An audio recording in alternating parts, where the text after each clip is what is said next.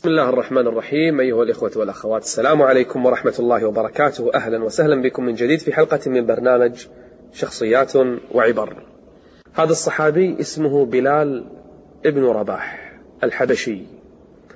أسر قبل بعثة النبي صلى الله عليه وآله وسلم عند بني جمح واشتراه أمية بن خلف. اشتراه وكان يعمل عنده. فلما آمن بلال عذبه أمية عذابا شديدا عذابا أليما كان يضرب ضربا ويجلد جلدا ويجوع رضي الله عنه. بل كان يأمر به الصبيان والأطفال والصغار أن يجروه في شعاب مكة. فلما أيس منه أمية ابن خلف وضع عليه صخرة كبيرة تخيلوا صخرة عظيمة على صدره. وفي أيام الصيف الحارة تخيلوا في مكة. وصحراء والجو حار جدا ما في ظل يضع عليه صخرة كبيرة على صدره على الأرض طوال النهار. حتى كاد أن يموت رضي الله عنه وأرضاه. كل من عذب أجابهم مضطرا إلا من أكره وقلبه مطمئن بالإيمان. هذا ما عليه ذنب ولا عليه حرج. إلا بلال رضي الله عنه. ما أجابهم إلى أي شيء. كلما ضربوه قال أحد أحد. أحد أحد. يكفر بآلهتهم ويؤمن بالله جل وعلا من؟ إنه بلال ما أصابه الوهن وما ضعف وما استكان يتذكر قول الله عز وجل ولربك ولربك فاصبر أي كان صبره لمن؟ لله جل وعلا بلال كان يضعون عليه أدرع الحديد حديد صفاح من الحديد ويجرونه جرا ويجذبونه جذبا وكان يضرب ضربا بل إنه رضي الله عنه كادت روحه تزهق. لكن لمن؟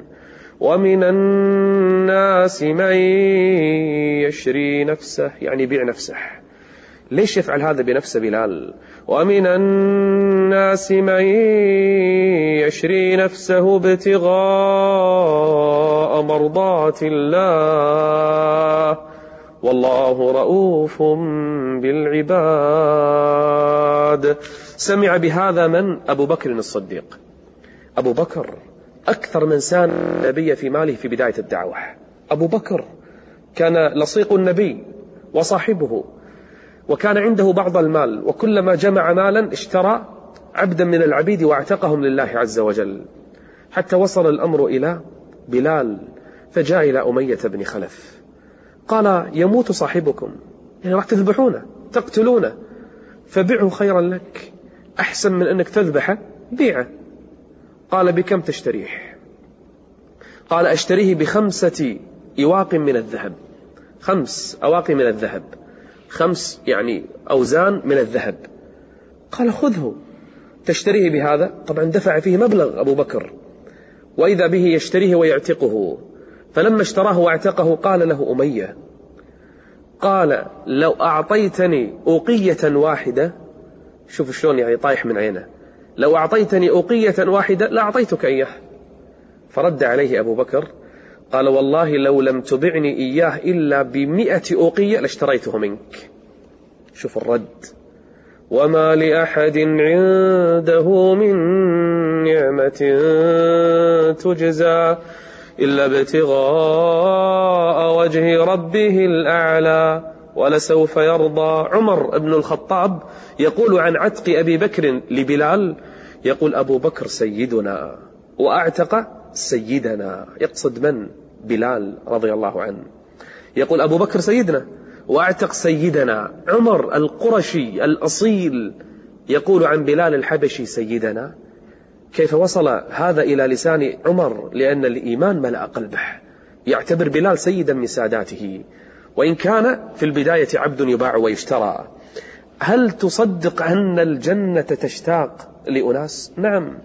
اشتاقت الجنة لثلاث في رواية علي وعمار وسلمان وفي رواية علي وعمار وبلال ابن رباح رضي الله عنه. يوم من الأيام كان جالسا مع الفقراء والمساكين فإذا بكفار قريش صناديد قريش يقولون للنبي صلى الله عليه وآله وسلم يقولون يا محمد تريدنا أن نجلس معك؟ قال نعم. قالوا اطرد هؤلاء منهم بلال. فنظر النبي إلى فقراء الصحابة ومساكين الصحابة فقال الله عز وجل له ولا تطرد ولا تطرد الذين يدعون ربهم بالغداة والعشي. هؤلاء ما يطردون هؤلاء يصاحبون. بالفجر يدعون ربهم بالعشي يدعون ربهم بالنهار يدعون ربهم بالليل يدعون ربهم. هل هؤلاء وإن كانوا فقراء يطردون؟ ولا تطرد الذين يدعون ربهم بالغداة والعشي يريدون وجهه. ما عليك من حسابهم من شيء وما من حسابك عليهم من شيء فتطردهم فتكون من الخاسرين. إياك إياك يا محمد أن تطرد هؤلاء. هؤلاء ما يطردون. هذا بلال. الصحابة رضي الله عنهم في تلك الأيام كانوا يصلون لكن ما كان عندهم أذان. الأذان ما شرع إلى الآن. فقال بعضهم لو أننا اتخذنا ناقوسا مثل النصارى. النصارى في الكنائس ناقوس يدقون ويتجمعون.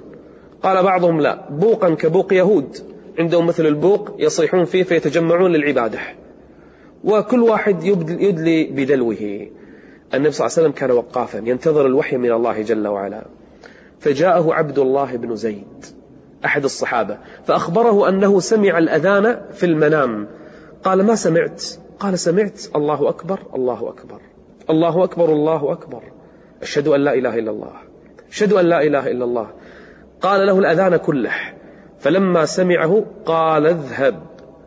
فأعلمه لبلال فإنه أندى صوتا منك. شوف الصوت الندي. شوف الصوت الجميل. صوت من؟ صوت بلال. والله نشتاق لسماع أذان بلال.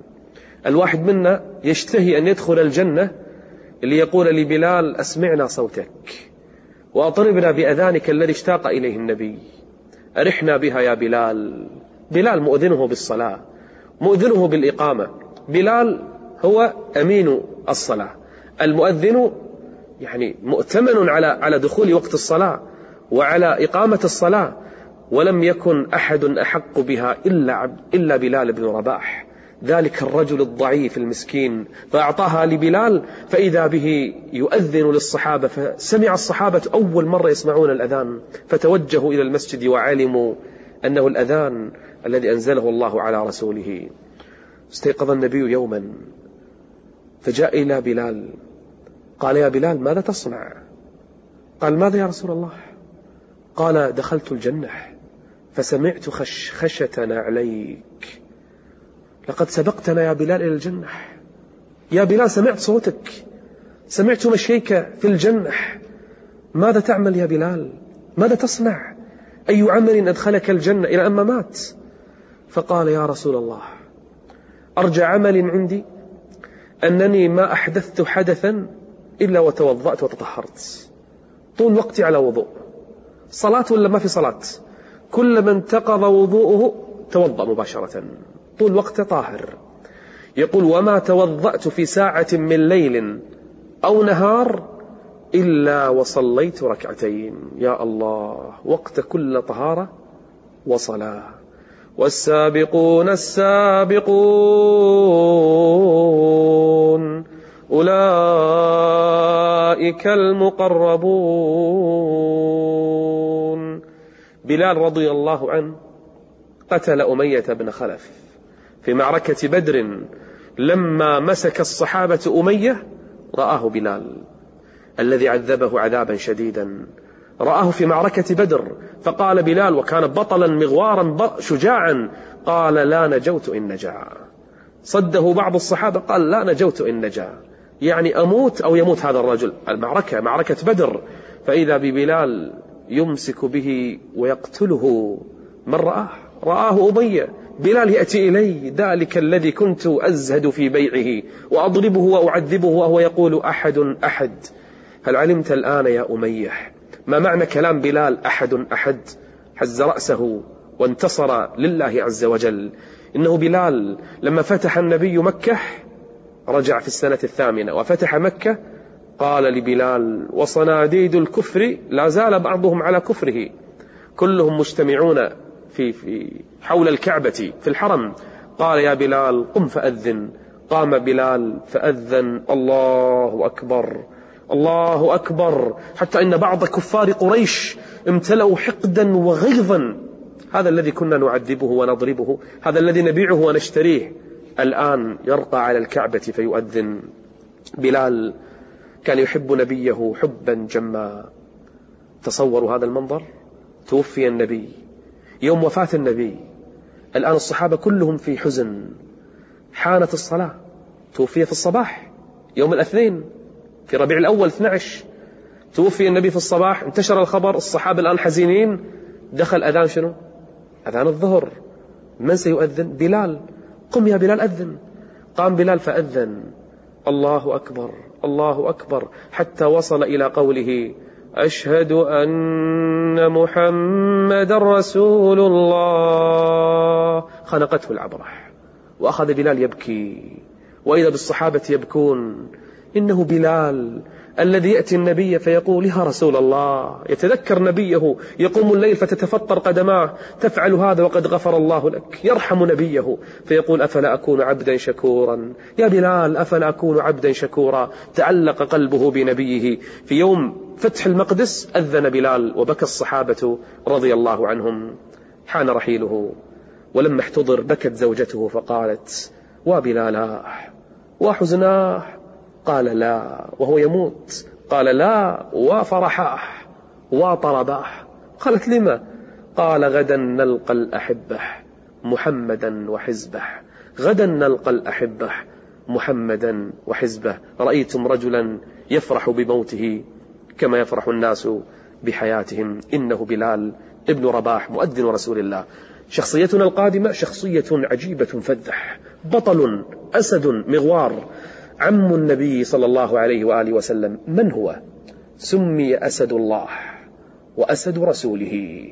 أي بطل سنحكي قصته وأي تاريخ سنذكره في الحلقة القادمة؟ إنه أسد الله وأسد رسوله. كونوا معنا في الحلقة القادمة. استودعكم الله. والسلام عليكم ورحمة الله وبركاته.